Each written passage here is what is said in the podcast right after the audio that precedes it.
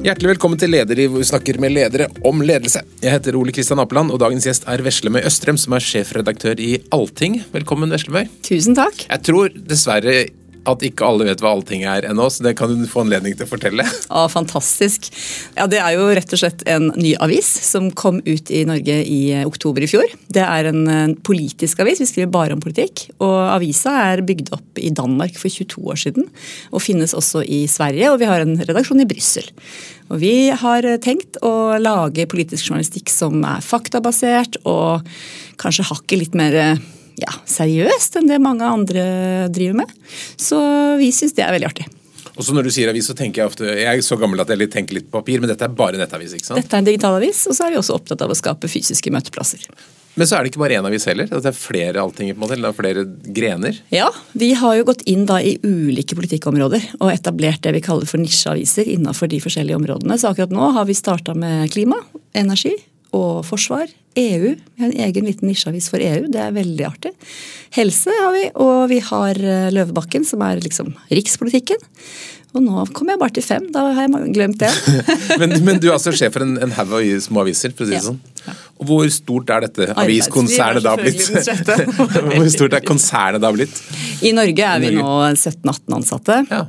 Og vi har jo helt klart vekstplaner. Eh, og så er det jo scary å etablere noe nytt i et år hvor veldig veldig mange mediehus sliter. Eh, vi merker jo også det at eh, veksten ikke går liksom, det, er ikke, det, er ikke, på den øverste delen av, av grafen, men det har gått veldig bra. Vi er veldig fornøyde med mottagelsen og føler at vi har på kort tid blitt liksom sett på som en spennende aktør. Men nå er det jo masse overskrifter om at det er krise i media og elendighet og det er ikke annonser osv. Men, men er det det da som er den nye trenden, at man må inn i bitte små nisjer for å klare seg? Jeg tror at nisjeavisene har en litt annen posisjon enn det mange av allmennavisene har. Og du kan si Medieøkonomien er jo flerdelt. Noen er jo veldig annonsebasert. Eh, de merker jo selvfølgelig at veldig mange annonsører nå gjør andre ting, eller ikke er i mediehusene. Kanskje heller bruker pengene sine i sosiale medier. Og så har du brukerbetalingsmodellene, som vel de fleste norske seriøse aviser i dag forholder seg til. Det betyr eh, vi ønsker oss abonnenter. Det er jo vår modell. Vi, er, vi jobber med å få abonnenter. Vi mm. ønsker å ha særlige organisasjoner og bedrifter og departementer og direktorater som våre abonnenter. Hvem er den typiske leseren av Alltinget? Typisk leseren av Alltinget er den politikkinteresserte personen som gjerne jobber i eller med eller rundt eller i nærheten av politikken. Og Da er det jobben som betaler, så det, det er kanskje ikke så sårbart for litt eh, renteøkninger og vanskelig familieøkonomi? Vi håper i hvert fall det, og det er vel det man har sett i Sverige og Danmark. At, eh, at du, vi henvender oss på en litt annen måte inn i markedet. Og så har vi også en åpen nisje som eh, alle kan ha, som er mm. helt, helt gratis. Hva er det som klikker best? Hva er det folk er mest interessert i å lese om? Og det som, det som, klikker mest hos Allting er veldig gøy, for det er veldig sånn grundige ting. Det er sånn Forklar Fosen-saken. Og hvorfor Hvorfor skal Høyesterett eh, behandle ACER-saken på nytt? Men selvfølgelig også nyheter om eh, om helsevesenet. I dag har vi akkurat eh, lansert en sak om, eller kommet ut med en sak om eh, private tilbydere. Det som, er, som jo er en ganske stor debatt eh, i det politiske miljøet. Bestemor på anbud, som det heter godt. På anbud. Ja. Det viser seg jo da at bestemor på anbud er ikke så veldig vanlig i norske kommuner, men det er veldig vanlig å sette yngre brukere på anbud. Yngre brukere som kan være ganske sårbare grupper. Så det syns vi er interessant, at det snakkes så lite om i den politiske debatten. Og du eh, har da ansatt folk som er veldig flinke til å skrive om politikk, vet du. Hvordan, hvordan, hvordan har du funnet folk? Det var veldig gøy, for da det ble kjent at jeg skulle få lov å etablere Allting i Norge, så var det veldig mange som tok kontakt som hadde lyst til å være med. Fordi det jeg tilbyr, er jo et sted hvor du kan gå i dybden, og du kan jobbe på, over langs med, med, med, områder. Mens i veldig mange andre politiske redaksjoner så må man jo hoppe videre. ikke sant? Det kommer en skandale, og så må du dit, og så kommer det en krig, og så må du jobbe med forsvarspolitikk, og så kommer det en pandemi, og så må du jobbe med, med helse. Mens her er det jo meningen at man eh, som da nisjeansvarlig for, eh, for våre nisjer, så kan du jobbe på lang sikt. dette er nerdehimmel, dette. Dette er nerdenes himmel, virkelig Virkelig. og det er mange nerder der ute, så ja, ja. vi har troa. Men, men, men tenk, er det slik at du da må Du tar stort sett erfarne medier, journalister fra andre medier, eller kan du ta nyansatte òg? Vi har vært veldig opptatt av eh, å faktisk ha et mangfold i staben vår. Så, så i, min, eh, i, min, gruppe nå så er det folk eh, som er i 20-åra, 30-åra, 40-åra, 50-åra, 60-åra og 70-åra! Veldig bra. så ja, Vi fikk jo bl.a. med oss Magnus Takvam som en av våre faste, faste skribenter, eh, som jo har vært veldig gøy. Han er jo en nestor i norsk politisk journalistikk. Er det heftige diskusjoner? Er det et livlig redaksjon å være i? Nei, vi er egentlig veldig Vi er litt nerdete. Så vi sitter litt sånn og grubler, og den, den, den største diskusjonen er jo hvordan skal Alltinget gjøre dette? Mm. Og særlig når det er store fellesnyheter. Hva er liksom Alltingets take på et kommunevalg? Hvordan skal vi jobbe på valgdagen? Og der har vi gode diskusjoner som handler litt mer om sånn, hva er vår profil? Eh, for det er jo et poeng når vi skal være en annerledes avis, at vi ikke gjør akkurat det samme som de mm. andre mediene. Men dette kommer da fra Danmark. Er det, er det en stor suksess i Danmark? Ja, det har vært eh, et 22 år gammelt prosjekt. Um, gründeren heter Rasmus Nilsen. Han eh, har vært en politisk journalist i mange mange, mange år i Danmark. Han var litt lei av at det var for mye polariserende og litt sånn skandalepreg av politisk journalistikk, så han ønska å etablere et annet type mediehus. Og i Danmark er det nå altså Hele mediehuset vårt har vel nå rundt 170 ansatte, og i Danmark har de 30 av mm. disse fagpolitiske nisjene. Og har også Mandag morgen og en, en tenketank og en arenavirksomhet. Og Hva er visjonen? Hva, skal vi med? hva skal allting oppnå i Norge? Vi er jo rett og slett litt opptatt av å styrke demokratiet og, og gi folk som skal ta beslutninger, eh, et godt grunnlag til å ta beslutninger. Vi opplever vel at det er en del, en del politikkområder som er ganske dårlig belyst, og som eh, man liksom går over med en liten harelabb generelt sett. Og, og vi tror jo at det er viktig f.eks når det er en stor og heftig strømdebatt, at mange av de aktørene som skal ta beslutninger, ikke bare løper etter følelser, men også går inn og ser hva er det som er de grunnleggende problemene her? Hvordan er det strukturene? Er det noe strukturelt vi skal endre på, eller, eller skal vi løpe etter strømstøtte og kaste penger etter folk? Så vi tenker at det er et rom for noen som uh, forteller de lange historiene. Har dere blitt viktige for politikerne? Vi har i hvert fall veldig mange politikere som leser oss, og mm. veldig mange beslutningstagere i departementer og i, i partier og i direktorater. Og, så jeg, jeg, har en følelse av at de opplever at uh, vi er en god aktør å mm. forholde seg til. Så hvis man abonnerer på Allting og leser dere, og så leser man da eh, de andre politiske kommentatorene, politisk stoff i Dagens Næringsliv, Aftenposten, hva det være seg, eh, hvordan vil man oppleve at dere er annerledes? Jeg tror nok det handler om denne dybden og den kontinuiteten i nisjene. Mm. At uh, hvis, hvis, du er, hvis, du er, opptatt av å bygge uh, Si at du jobber i um, en forskningsavdeling på, uh, i Sabima da, eller, mm. i, eller i, i, Statnett, eller jobber, så at du, du, kan komme tettere på det politiske gjennom, gjennom vår journalistikk. Så du, du, får stoff fra journalister som kan det veldig godt? Ja, mm. helt klart. Mm. Du har jo vært journalist en god stund. Ja, det har jeg. Det... Fortell, hvordan, hvordan startet din journalistiske karriere?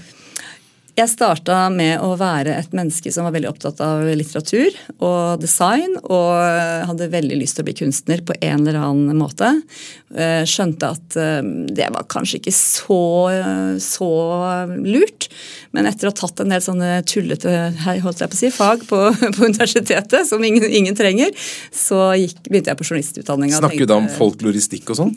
ja, jeg snakker da om folkloristikk, som er et fag som ingen husker hva var for noe. Mm. Eh, litteratur og det, det er, Jeg sier tullete med hermetegn, det er jo viktig med, med kulturkunnskap.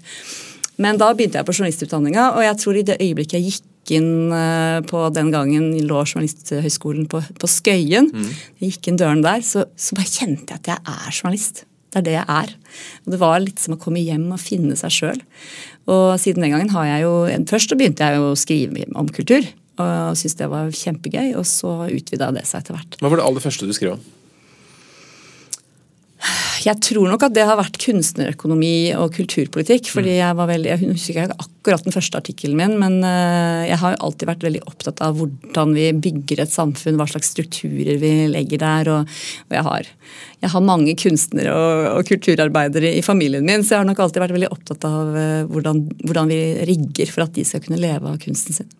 Det er ikke noe allting om kunstpolitikk ennå? Ikke ennå. Jeg tenker Kanskje nisje 16 blir nok en kulturnisje. Ja. Så ok, så veien fra, Men videre fra Journalisthøgskolen, da? Så har jeg hatt mange år i uh, magasin. Jeg jobba med, med reportasjejournalistikk mm. i ganske mange magasiner. I Bonnier-systemet? Ja. Mm. Bonnier hvilke, hvilke magasiner var det, da? Kvinner og klær, Foreldre og barn, Tara. Så jeg var en, en journalist som uh, var opptatt av å fortelle gode historier. Og det, altså Ukeblad, det er jo, det er jo nesten borte? Ja, de har jo Nå er det lenge siden jeg har vært i magasinbransjen, men jeg har skjønt at der har det jo vært veldig veldig tøffe kår. fordi det er klart De har jo overtatt veldig mye av sosiale medier, mm. bloggere, TV-produksjoner. Eh, og andre ting. Men, men, det finnes jo fortsatt gode magasiner i Norge og internasjonalt. Men for min del så handla det nok litt om også at jeg, var, jeg ble småbarnsmor ganske tidlig. Så jeg fikk eh, mitt første barn da jeg var 23 år, som jo er, en, er tidlig i dagens samfunn. Um, og oppdaga at det å være tidvis alenemor med en musikermann, så, så var det litt i heftigste laget å ha et veldig tøft turnusliv. Mm. Så derfor så ble jeg en magasinjournalist, og jeg var en litt misfornøyd magasinjournalist i, i mange år. Og da jeg hadde fått litt større barn, eh, så ringte jeg på døra i Aftenposten og sa hei, hei, hei, nå er jeg klar for å komme hit, og fikk muligheten til det. Så ble du ordentlig journalist, liksom? Så ble jeg, Ja, jeg, jeg følte vel da at jeg kom litt mer hjem, og, og da begynte jeg også egentlig på min lederkarriere. Mm. Mm. Men uh, før vi begynner på ledelsen, hva, hva vil du si er ditt, Har du hatt noen sånne store journalistiske skup underveis? Er det noe du er veldig stolt av, som du har avslørt eller fått til, fortalt om? Jeg var veldig heldig, fordi da jeg leda politikk- og økonomiavdelingen i Aftenposten, her hvor jeg var i fire-fem år, da fikk vi Panama Papers i fanget. Og det var jo den tidenes største lekkasje fra et eh, advokatfirma som jobba med skallselskaper, altså skatteparadisselskaper i, på, i verdensbasis. Og da fikk vi 11,5 million dokumenter i fanget inn på en, på en hemmelig konto. holdt jeg på å si. På, Hvem er vi da som fikk det? Vi var Aftenposten. Mm. Eh, Aftenposten hadde i mange år da jobba med et, et, miljø av undersøkende journalistikk. Så vi, hadde, vi var på en måte en del av de som fikk tilgang på dette og, mm. og, var med i et prosjekt. Så da var det 400 journalister som sammen i hele verden jobba på forskjellige spor der. Hvordan, hvordan kom den lekkasjen ut? Hvordan startet det? Altså, hvor, hvor kom det fra? Den starta som en, en, med en e-post e i en innboks uh, i Süddeutsche Zeitung, uh, hvor det sto 'Hei, er du interessert i noe data?' Og vedkommende journalist som, som fikk den mailen, sa eh, ja, det mm. er jeg interessert i. Og deretter så rulla det. Rulla og da var det utro tjener et eller annet sted da, som løkket? Det er fortsatt eh, Det er Nå må jeg tenke meg om. Kom vedkommende kilde ut? Eh, det er i hvert fall en kilde som har fortalt hvorfor vedkommende lekka det. Og det mm. handla jo om at eh, det var en som hadde sett dette fra innsida og ikke syntes at systemet var bra. Mm. Og mente at offentligheten burde få innsyn i hvordan eh, den internasjonale økonomien, som jo er legal, og som er et strukturelt system, også gir rom for kriminelle og unnasluntrere og korrupte. Mm. Og det var ganske kort vei fra seriøse selskaper til krigsherrer, til Putins uh, oligarker, til uh, korrupte statsledere i en del land. Men også til islandske statsministeren, til norske aktører, til DNB-kunder, til, uh, til ja, mange mm. mange forskjellige historier som vi, vi fanga opp der. Men hvordan strukturerer man det da? Har man fått en enormt datagrunnlag, og så er det masse masse journalister. så Hvordan lager man et prosjekt av det? Nei, vi, vi, hadde på en måte vår, vår, oppgave inn i dette var jo å finne de journalistene som fra Norge skulle gå inn i et team som skulle jobbe i et år med dette mm. materialet. Og, og Det er vel kanskje en av de aller eh, fineste tingene jeg har gjort som leder. og Det var å sette sammen det teamet. For da valgte jeg en veldig ung og svært dyktig journalist som heter Nina Selbo Thorseth til å jobbe sammen med da en av de mest erfarne økonomijournalistene i Aftenposten, Sigurd Bjørnstad. Og sammen med dem så hadde vi en researcher som heter Trond Strøm, og som eh, da til sammen danna et veldig veldig godt team. De måtte da sitte på et hemmelig rom i Aftenposten. Ingen fikk lov å si hva de holdt på med. Alle var selvfølgelig veldig, veldig nysgjerrige. Og eh, vi var de eneste i Norge som visste hva vi drev med. Men det er jo en stor beslutning, for da setter du av altså millionbeløp i lønninger for å grave i noe som du egentlig ikke vet hva er. Hva var det som gjorde dere så sikre på at det var noe der? Nei, Helt fra starten så visste vi det. fordi vi hadde, Da hadde vi allerede jobba med litt andre lekkasjer fra det samme miljøet. Eh, så vi hadde jo allerede ganske bra oversikt over hvordan skatteparadissystemene fungerte. Eh, vi hadde også et introduksjonsmøte hvor vi gikk igjennom noen av de største historiene som allerede noen andre i det teamet hadde henta fram. Så vår jobb var jo å delta i grupper. Vi var med da bl.a. i finansgruppa, og vi jobba også veldig tett med én enkelt journalist på Island. Som, eh, som var, hadde, han hadde oss som sitt støtteapparat. Han skulle jo avsløre statsministeren sin. Så han uh, satt jo alene og, og jobba flittig. Men, men, så det var et helt unikt samarbeid, det vil jeg bare si. Men det er klart, internt i mediehuset så betyr det jo at man måtte nedprioritere andre ting. Og det var jo en høst, nei, en vår der. ikke sant? Etter hvert så rigga vi jo opp, så ble vi jo enda flere. Så hadde vi jo et team på til, sammen 20-25 journalister som de siste ukene jobba for å gjøre dette ferdig. Det er jo en prioritering som eh, vi i ettertid ser at var helt riktig. Men, eh, men, det er klart at det er jo sånne ting journalister eller mediehus alltid står i. At du har mange flere historier du ønsker å skrive enn det du har kapasitet til. Og det er vel litt sånn faren når medieøkonomien blir strammere, at man rett og slett ikke har råd til å gjøre de store tingene? Ja, ja, definitivt. Det var jo en periode der hvor eh, min stab, da jeg begynte i den rollen som leder for økonomiavdelingen og økonomi og politikk, så var vi vel 16-17 journalister. Og da jeg slutta der etter fire år, så var vi ti. Mm. Og det er klart at den nedskaleringen var jo det var jo en veldig veldig tøff periode for mediehusene. Og den situasjonen som vi er i akkurat nå, den gjør at jeg liksom kjenner på akkurat den samme søvnløsheten som jeg gjorde da. Fordi det er veldig skjørt. Vi har i noen år nå hatt eh, god økonomi i mediehusene fordi brukerbetalingen har fungert. Digital brukerbetaling fungerer. Heldigvis så viser det seg at lesere gjerne vil betale for seriøs og grundig journalistikk og undersøkende journalistikk. Og det er jo det som har vært positivt de siste årene. Men når vi da kommer inn i en ny, ny periode sånn som vi er nå, hvor, hvor alle liksom snur litt på krona, så er det jo sånn at det første en bruker, en abonnent, eh, kutter når renta går opp, det er Netflix-abonnementet og avisa. Mm. Så det er det veldig veldig mange medier som oppdager akkurat nå, opplever akkurat nå, at det er veldig skjørt. Du var da i Aftenposten at du fikk, eller var det Bonnier-tiden at du fikk din første lederoppgaver? Det var i ja, Jeg har vel på en måte alltid vært litt sånn småleder her og der. Ja, sånn, sånn, type rekker opp hånda og tar, tar, prosjektlederansvar. Men uh, det var først i Aftenposten jeg begynte å lede uh, i sånn over tid. Hadde du noen sånn klar idé om hvordan du skulle være som leder da? Nei, men jeg er en veldig innovativ person. Så jeg er jo en typisk sånn uh, som får til ting, får ting til å skje. Så jeg har nok hele tida når jeg har fått ulike lederoppgaver og, og søkt ulike lederoppgaver, så har det jo vært den derre omstillingsevnen, omstillingsgleden. Jeg ser jo at i dag så har det ikke vært nok å ha en omstillingsevne i, i, en organisasjon. Man må også ha en omstillingsglede, en nysgjerrighet ved å få til ting på en annen måte. Og den har nok jeg eh, i utprega grad. Så jeg, jeg, setter stort sett i gang med prosjekter som litt sånn gründeråndaktig, da. Hvordan skaper man omstillingsglede? Jeg tror, mye, jeg tror ikke alle kjenner seg helt igjen i det. Nei, det handler jo veldig mye om å vise vei. Og, å være entusiastisk på, vei, på vegne av prosjektet. Eh, være i front med kompetanse. Forstå f.eks. For nå har det jo vært digitalisering som har vært veldig veldig viktig. Være i front og forstå hva digitale strukturer og endringer betyr for vår organisasjon. Eh, og så handler det selvfølgelig om å være et empatisk menneske som forstår at, at omstilling er skummelt. Og at hver en enkelt person, altså bare det å be folk om å sette seg på en annen plass i, i et lokale, kan jo være skummelt nok. Og det er klart at når når, man hele veien nå i de siste 20 årene som journalist skal endre måten å jobbe på, måten leserne leser oss på.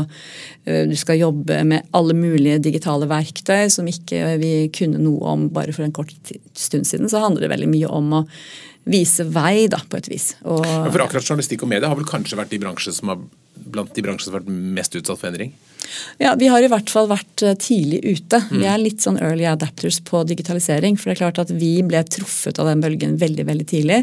Vi og musikk musikkbransjen. Så, så, da har man jo på en måte vært i front. Og det er klart, når, vi, når jeg er rundt i internasjonale mediemiljøer, så merker jeg jo at Norge er langt, langt framme. Mm. Selv i Norden så ligger vi langt framme i det å forstå det å ha skapt en digital brukeropplevelse av medier. Men hadde du noen inspirasjonskilde for hvordan du ville være som leder? Er det en person du har sett opp til, eller har du lest bøker, eller hvordan har du liksom lært eh, ledelse? Jeg har noen ledere jeg har vært veldig glad i å bli ledet av. Mm. Um, Hva har kjennetegnet dem? De har uh, vist meg at det var viktig at jeg var med i deres team. Og de har uh, vært glade på jobb. De har vært entusiastiske. De har trodd på meg.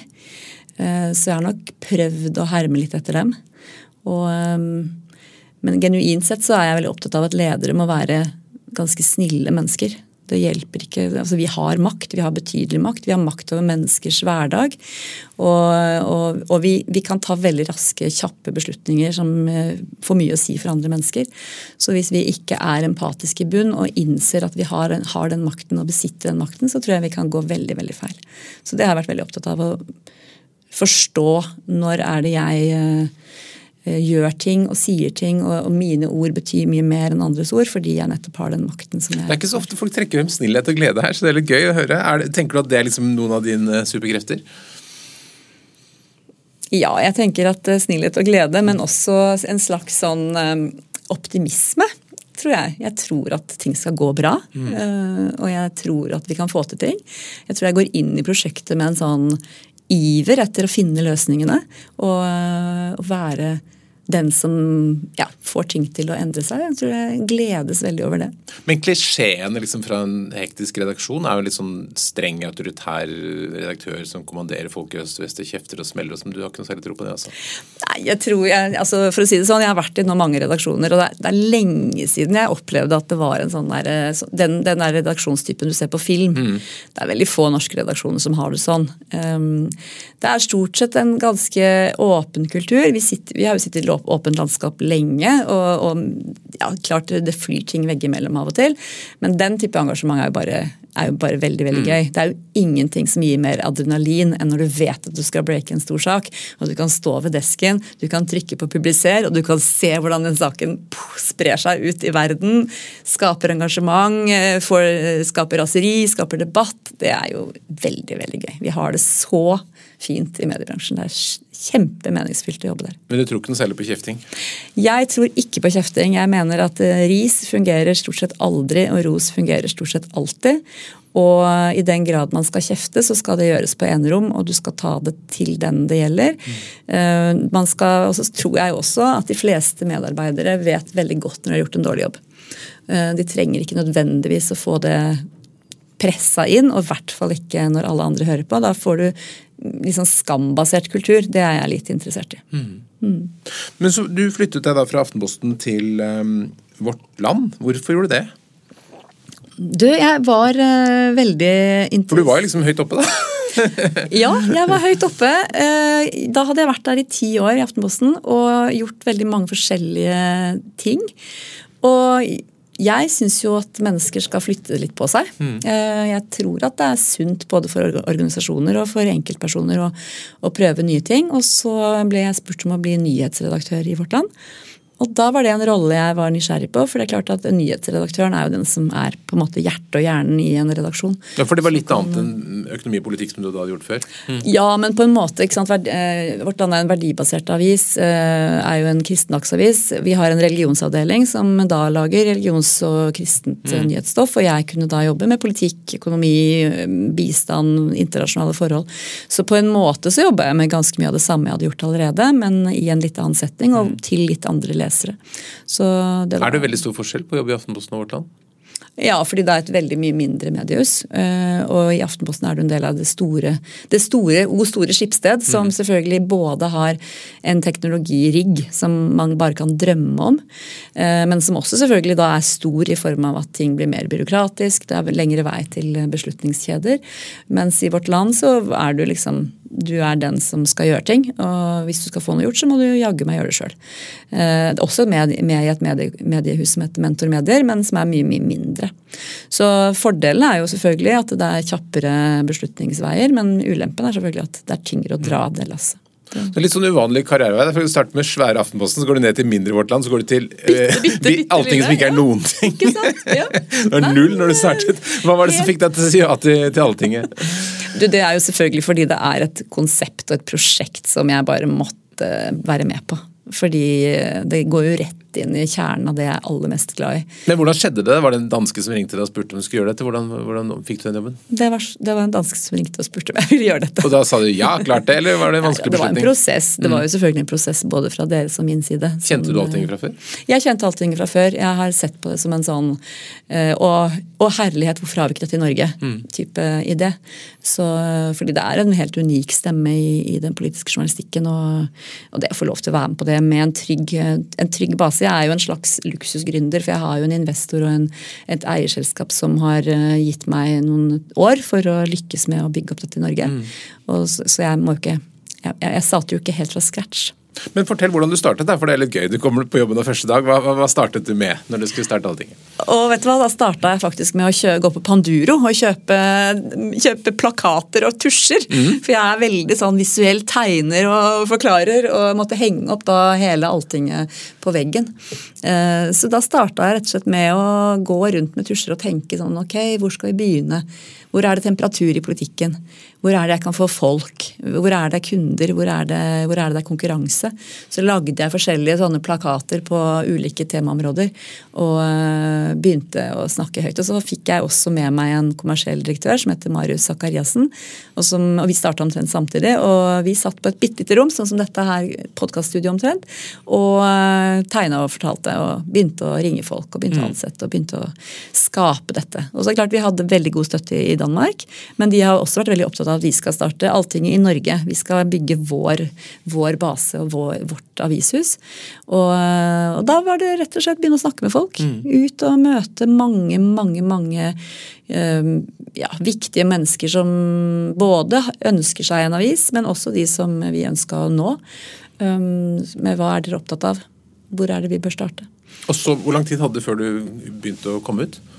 Nei, Jeg var på jobb eh, første dag 9. Eh, Juni, nei, 9. mai i fjor, og vi begynte å lage avis 3. oktober. Så ja. det er jo ikke en veldig lang periode. Hva var den første saken dere publiserte? Vi starta, vi publiserte en time etter at Stortinget åpna i fjor. Stortingssesjon 169 ble åpna 3.10 klokka 12, og vi starta klokka 1. Eller om det var 1 og 2, uansett. i hvert fall. Så den handla rett og slett om hva er det vi kan se for oss i Stortinget denne sesjonen. Det er klart det har vært et utrolig turbulent eh, år, en veldig turbulent periode for norske politikere. Så vi prøvde å, peke litt retning. Og, og Hvor mange journalister hadde du fått på plass da? Da hadde jeg journalister til alle nisjene. Mm. Um, så Nei, vi var, vi var, fem da, nå er vi mm. seks hele, og, og, eh, noen av disse eksterne. Mm. Så da, Men to av de som begynte i Alltinget, de begynte på jobb den 3. oktober klokka ni. Og vi starta avis klokka ett. Så de fikk og, og, nå vet jeg ikke hvor, hvor mye som er offentlig. vil du si noe, har du noe, Kan du dele noe lesertall eller abonnementstall? eller Hvor mange er det som leser Alltinget? Nei, vi har ikke gått ut med noen tall helt ennå, men eh, vi når ut til ganske mange. Eh, så bra. er, ikke det, er ikke det det man sier? Vi er, jo en, vi er selvfølgelig ikke store ennå. Vi er jo en eh, aktør som skal bygges på sikt, men vi, er ganske, vi syns det er ganske fint å se at vi leses av ganske mange tusen hver dag. Mm. Så, men det kommer mer. Ja, men det var et tall, da. Ganske mange tusen hver dag. Ja. ja. Når leser man Alltinget? Er det i lunsjen eller etter jobb eller før jobb? Eller man leser Alltinget på morgenen. Ja. ja. Vi har, jo, vi har jo, et nyhetsbrev, som mm. er det man egentlig abonnerer på. Og Det kommer ut om morgenen, og da leses eh, ja. vi mest. Så du har blitt en del av folks morgenritualer? Håper det. Ja. Så selvfølgelig utover dagen så det er jo litt den derre Hva skjer denne uka? Hva skjer i dag? Hva bør jeg være obs på? Hvordan var det egentlig med det som skjedde i går? Hva, hva skjedde egentlig med Huitfeldt? Burde jeg ikke forstå det? Mm. Så kan man gå inn i allting og få en oversikt. Så sa du at, at det er veldig sånn eh, kunnskapsbasert og grundig, som betyr at dere holder dere unna liksom sladder og, og lette ting om journalister. Skal det være veldig tungt og seriøst, eller er det litt gøy òg? Mm, ja, gøy og gøy. Eh, vi har, eh, vi har litt gøy òg, men vi er nok på den tunge enden av skalaen, vil jeg si. Mm. Det er klart, vi, vi, er jo ikke Vi sier jo ikke at vi ikke er opptatt av politisk spill. Fordi politisk spill er en del av politikken. Du skal, skal du oppnå noe i politikken, så er du nødt til å være god på strategi og spill og forstå når er det jeg skal gjøre dette og hvem kan jeg få med meg på dette. Men eh, vi, vi er ikke først i klassen på Vi har ikke skrevet om eh, Skal vi danse, Hadia, ennå. Mm -hmm. Kan hende vi gjør det hvis hun vinner, men eh, det er, det er, liksom en del andre som gjør det, så da trenger ikke vi å mm. følge akkurat de sporene. Men jeg regner med at dere har sommerferie i Altinget, og den, altså det kan ikke vært helt lett å kombinere med den sommeren vi har hatt med statsråder som har dummet seg ut på ulike måter? Altså hvordan, vi hadde ingen sommerferie i Alltinget, faktisk. Jeg hadde i hvert fall ingen sommerferie. Du, For det har vært en hadde... spennende politisk sommer? Det har vært en helt ko-ko politisk sommer. Det er litt sjokkerende, egentlig, det som har skjedd. Og det vil jo liksom ingen ende ta. Og det føles litt som at når man du vet når du er på stranda og løfter opp en stein, så er det masse insekter der. Mm. Så føles litt som at nå har vi løfta opp den steinen som heter habilitet. Og der viste det seg å ligge masse greier. Jeg skal ikke mhm. kalle noen for insekter. Og så var det et annet stein som het aksjer. og så var det aksjesteinen, og så var det pendlerboligsteinen, og så var det, var det reiseregningssteinen. Mm. Og da blir jeg litt lei meg, for da tenker jeg ok, hvilken stein er det vi kan løfte opp neste gang, og hva finner vi da? Jeg syns ikke det holder. Jeg syns ikke norske politikere har eh, tatt tillit, har liksom vært, er, gjør seg tilliten verdig. Mm. er du litt skuffet, rett og slett? Ja, jeg er skuffet. Jeg syns det har vært altfor mange tilfeldigheter, og for mange, som jeg sa i stad, at man ikke forstår hvilken makt man har. Og at man besitter den makten, og at det betyr at du skal ha en helt annen aktsomhet enn alle, enn alle andre. Det syns jeg er skuffende. Men dette handler vel om en slags kultur eller ukultur? Eller altså at man liksom hever seg over ting? Ja, jeg tror du har mye forskning som sier at mennesker som får makt, blir mye mye mer slepphendte med hva de kan foreta seg, og tar mye større risiko og er mye mindre villige til å lytte til motforestillinger. Og det tror jeg også at norske politikere bør ha med i sin politikerskole framover. At de, de, det er en del ting vi bare ikke gjør. Men selv, du, selv, om, men selv om, du, blir skuffet, da, så må du jo som da redaktør for Alltinget bli være et sånn lite adrenalinkick når, når noen stjeler solbriller eller noe annet. Den dagen med den fredagen der med solbrillene, da Jeg bare gikk rundt, jeg. Jeg gikk rundt og rundt og bare reiv meg i håret og tenkte hva er det som skjer nå? Og jeg var ganske tidlig ute med å tenke at dette kommer ikke til å gå bra. Um, man ser jo at det er ikke the crime, it's the cover-up. Og her var det vel en kombinasjon av the crime og the cover-up som gjorde at dette ble en veldig uheldig sak for eh, Men jeg syns vi ser det igjen og igjen, at de er dårlige til å håndtere problemene som dukker opp. Ja, og i noen partier, akkurat når det gjelder Rødt, så har jeg tenkt litt på det. Det er et lite parti, det er et ungt parti de har stort sett fra, sant, fra denne lederen starta, så har det stort sett gått oppover. Så det er klart at det er et apparat som ikke kan så mye om krisehåndtering. Mm.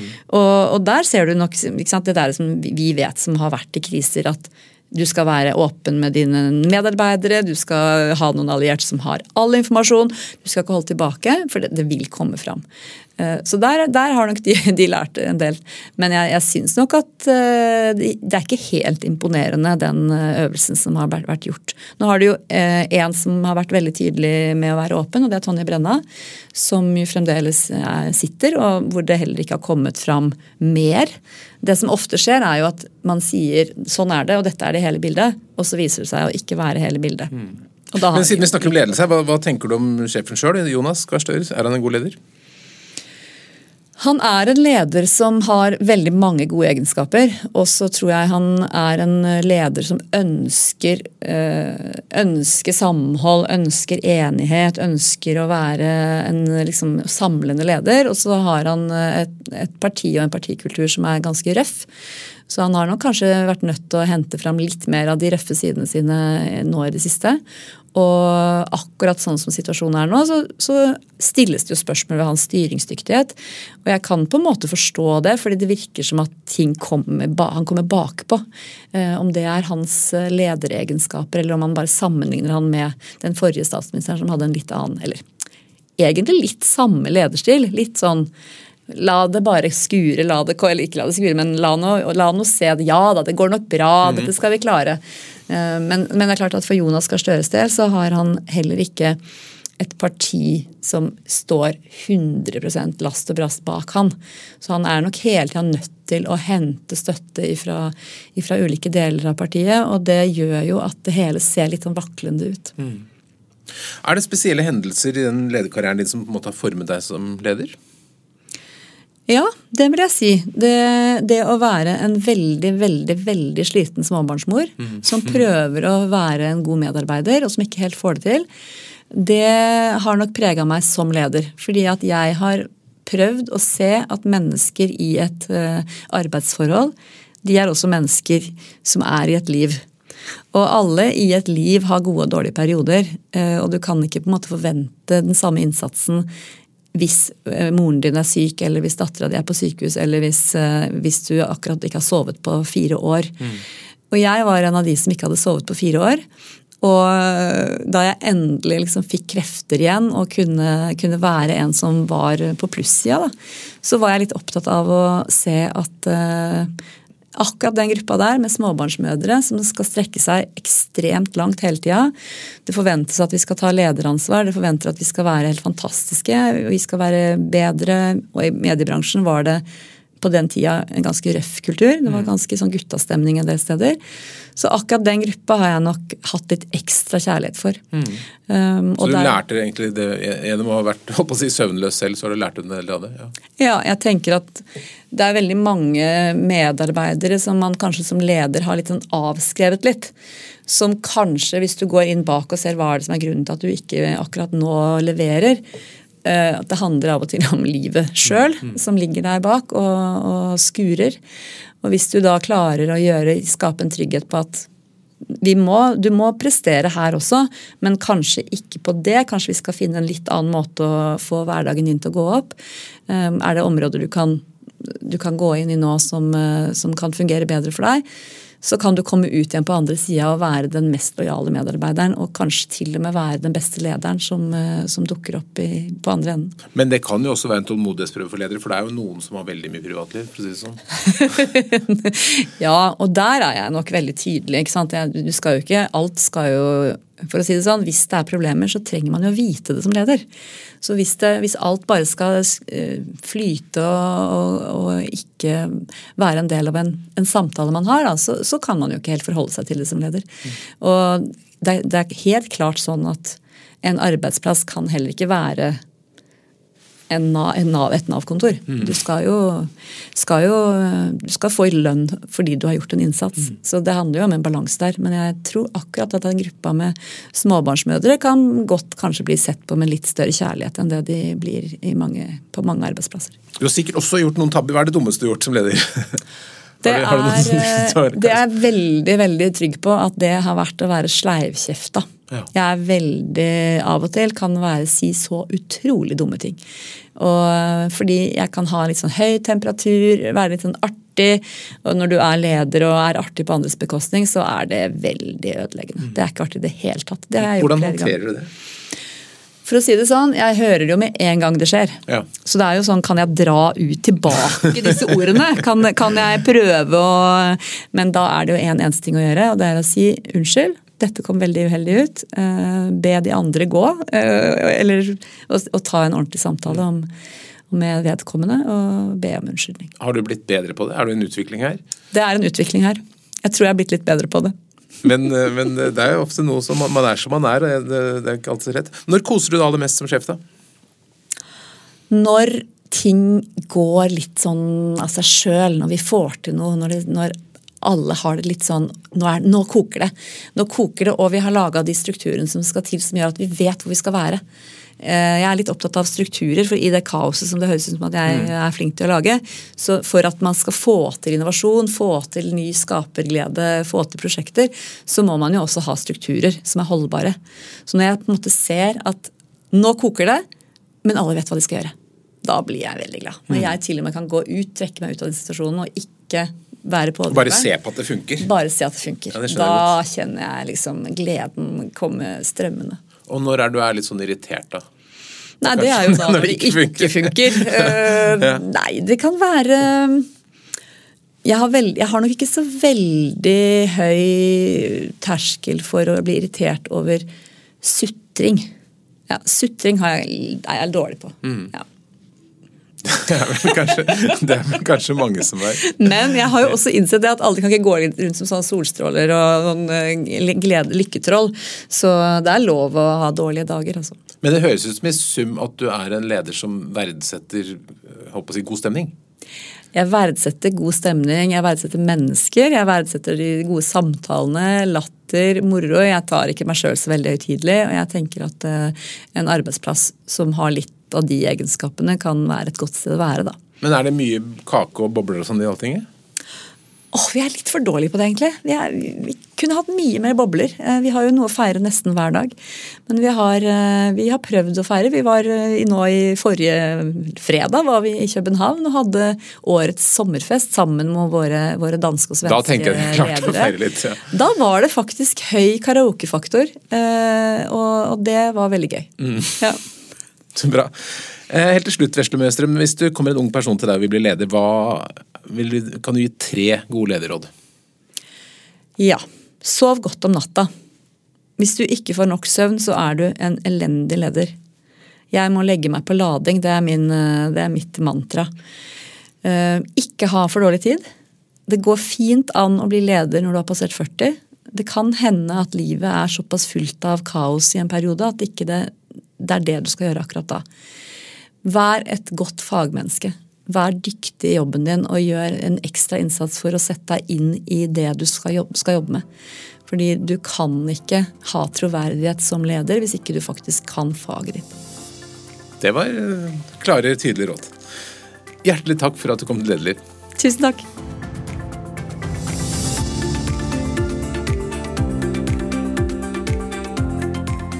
Lederliv er en podkast fra Apeland. Redaksjonen består av Ingrid Hogneland, Johanna Eidsvoll, Lars Jarle Melum og meg som heter Ole Kristian Apeland. Og du er hjertelig velkommen til å sende ros, ris, tips om ledere eller hva du måtte ønske til ole.apeland.no. Takk for at du lytter.